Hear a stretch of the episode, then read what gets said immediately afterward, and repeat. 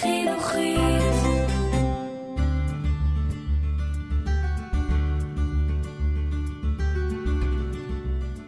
המדריך לשביל ישראל, פרק 35, ממעלה צין לעין שביב, עם יואב גלזנר.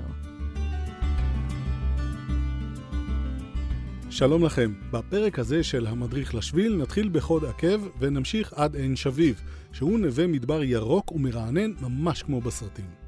נטפס על הר בצורת חרוט, נגלה מעיינות פלאיים באמצע המדבר, נפגוש צמחים טפילים ואולי גם ננצל את ההזדמנות ונבקר בחלקת הקבר של פולה ודוד בן גוריון בשדה בוקר. את היום שלנו נסיים מעט צפונית לעין שביב, כדי לא להפריע לבעלי החיים שמגיעים לנווה המדבר בלילות. אורכו של המקטע היום הוא 12 קילומטרים בלבד. בקטנה, אפשר לראות בו יום מנוחה אחרי הקטעים הקשים שעברנו ולפני חלקי השביל הארוכים שעוד לפנינו. אז קחו אותו בקלילות, נצלו כל צל שתמצאו בדרך לעצירה והשתדלו להגיע מוקדם לחניון הלילה כדי לבשל ארוחה מפנקת. אז קדימה, כובע, הרבה מים ומצב רוח טוב. אני יואב, אנחנו יוצאים לדרך.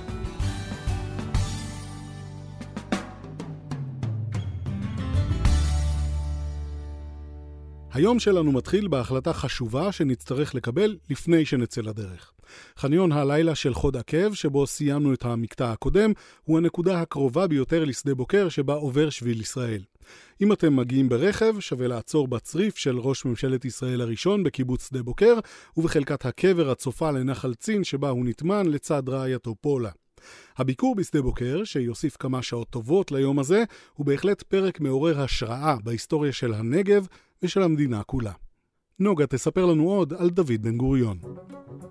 ראש הממשלה הראשון של ישראל, דוד בן גוריון, היה מהוגי חזון הפרחת הנגב.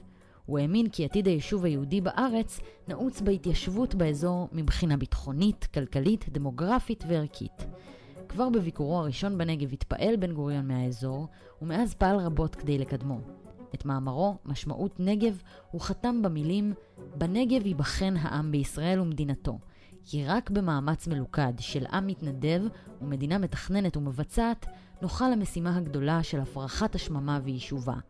מאמץ זה יקבע גורלה של מדינת ישראל ומעמדו של עמנו בתולדות המין האנושי. בסוף שנת 1953, לאחר חמש שנים בראשות הממשלה, התפטר בן גוריון מתפקידו ועבר לקיבוץ שדה בוקר. הוא השתלב בעבודות הקיבוץ השונות והפך לחבר המשק המבוגר ביותר. פחות משנתיים מאוחר יותר חזר לפוליטיקה ושב לשדה בוקר רק ב-1963, אז התפטר בשנית מראשות הממשלה. בן גוריון חי בקיבוץ עד מותו בגיל 87. קברו וקברה של אשתו פולה נמצאים בגן לאומי קבר בן גוריון, כמה קילומטרים מדרום לשדה בוקר.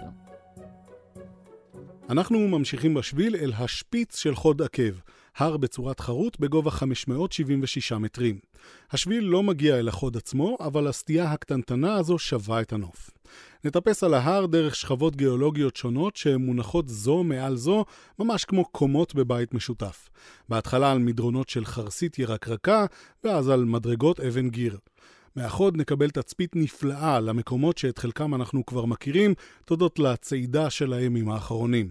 נראה את בקעת צין ואת הר קרבולת המשונן, רכס חתירה שבו המכתש הגדול ורכס חצרה שבו המכתש הקטן, ואולי אפילו נצליח לזהות את שרידי העיר הנבטית עובדת. מה שבטוח, נוכל להשקיף על היעד הבא שלנו, נחל עקב. נרד מהחוד ונלך בכיוון דרום-מערב בירידה המובילה אל נחל עקב, ונמשיך עד שנגיע אל עין עקב, מעיין מקסים שדורש עצירה ונחשב לאחד המעיינות המוצלחים ביותר בנגב. יש כאן מפלון קטן שמימיו מגיעים מעין עקב עליון. המים קרים ומרעננים, וגם אם תבחרו שלא להיכנס לרחצה של בוקר, העצירה כאן נעימה ומאוד מהנה. מימי הבריכה הזו משקים את הצמחייה הטבעית ואת היעלים ושאר בעלי החיים באזור, ובדיוק בגלל זה צריך לעזוב אותו עד השעה שלוש וחצי. את השמורה כולה יש לעזוב עד שעה לפני רדת הלילה, כדי לא להפריע לבעלי החיים. אז אם רבצתם פה בכיף כל היום, שימו לב לזמנים. היעל הנפוץ בארץ הוא יעל נובי, יונק שנחשב לבעל חיים מרשים במיוחד. בגלל יופיו, בגלל הקרניים הארוכות של הזכרים ובזכות יכולת הטיפוס המרשימה שלו. המבנה המיוחד של פרסותיו מסייע לו להיאחז בסלעים ולעצור בפתאומיות במידת הצורך. היעלים חיים באזורים מדבריים ומותאמים לסביבתם החמה, אך זקוקים לשתייה מדי יום או יומיים. לכן ניתן למצוא אותם בעיקר באזור מעיינות. במהלך החורף הם מנצלים מקורות מים זמניים ומרחיבים את תחום המחיה שלהם. לפי תיאורים מקראיים, היעל היה מין נפוץ באזור עוד בתקופת התנ"ך. עם קום המדינה היו בארץ פרטים בודדים, והמין היה על סף הכחדה. כיום אוכלוסיית היעלים מונה כאלף פרטים, כ-500 במדבר יהודה, כ-200 בהר הנגב, 200 כאן, בהרי אילת, וכ-100 פרטים בגולן. בעקבות ההצלחה בשימורם, נבחר היעל להופיע בסמל רשות הטבע והגנים. בהמשך הנחל ממתינות לנו עוד נקודות עם פוטנציאל שכשוך כמו גב שחר ועין עקב עליון. כשנגיע לעין עקב עליון נוכל להבחין בקלות באבן הצור השחורה שבולטת כאן. היא שונה כל כך מסביבת סלעי הגיר, הקרטון והחבר הבהירה. בזכות אבן הצור הזו הבדואים קוראים למעיין עין אום כעב, מעיין האבן. באביב נטייל בין מגוון פריחות מדבריות, שיחי הרותם הריחניים ועמודיו הצהובים של הצמח הטפיל יחנוק המדבר. ליחנוק אין אף חלק שצבעו ירוק, ולכן הוא לא מסוגל לבצע את תהליך הפוטוסינתזה שכל כך הכרחי לצמחים ליצירת אנרגיה. זו הסיבה שהוא נטפל לשורשים של צמחים אחרים, כמו האשל, זוגן השיח ורכפתן מדברי, וכפי ששמו מרמז, הוא לא כל כך מאפשר להם לנשום. הרכפתן המדברי, אחד מקורבנותיו של יחנוק המדבר, הוא שיח המפריח פרחים צהובים לאורך חודשי החורף והאביב.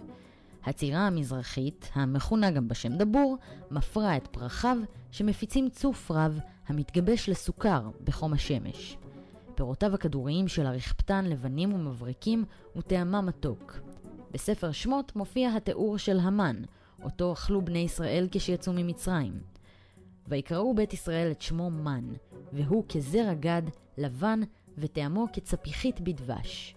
זרע גד בתיאור המקראי הוא זרע הכוסברה, שזרעיה עגולים וקטנים כמו פרי הרכפתן. הצבע הלבן והטעם המתוק המוזכרים הביאו חוקרים רבים לזיהוי הצמח עם המן. נצא מנחל עקב ונמשיך מזרחה בתוך שמורת מצוק הצינים. בדרך נעבור על פני נקודת תצפית, מעט צפונית לשביל, שממנה אפשר לראות את בקעת צין, עין שביב ועין זיק, איים ירוקים בים המדבר שסובב אותנו. השביל ממשיך לעין שביב, נווה מדבר מקסים עם נביאה תת-קרקעית שמוקפת בעצי צפצפה. הלינה בעין שביב אסורה, כמו בשאר המעיינות במדבר, על מנת שלא לפגוע בהרגלי השתייה של בעלי החיים שניזונים מהמעיין. שני קילומטרים צפונית לשביל, בעין זיק, תמצאו חניון אחר, שבו ניתן לעצור ללילה. שיהיה לכם לילה טוב, אנחנו נמשיך מחר. המדריך לשביל ישראל, כל מה שצריך לדעת על השביל של המדינה. תחקיר ותסריט סיון רדל, קריינות נוגה קליין, עריכה והפקה יואב גלזנר וגידי שפרוט.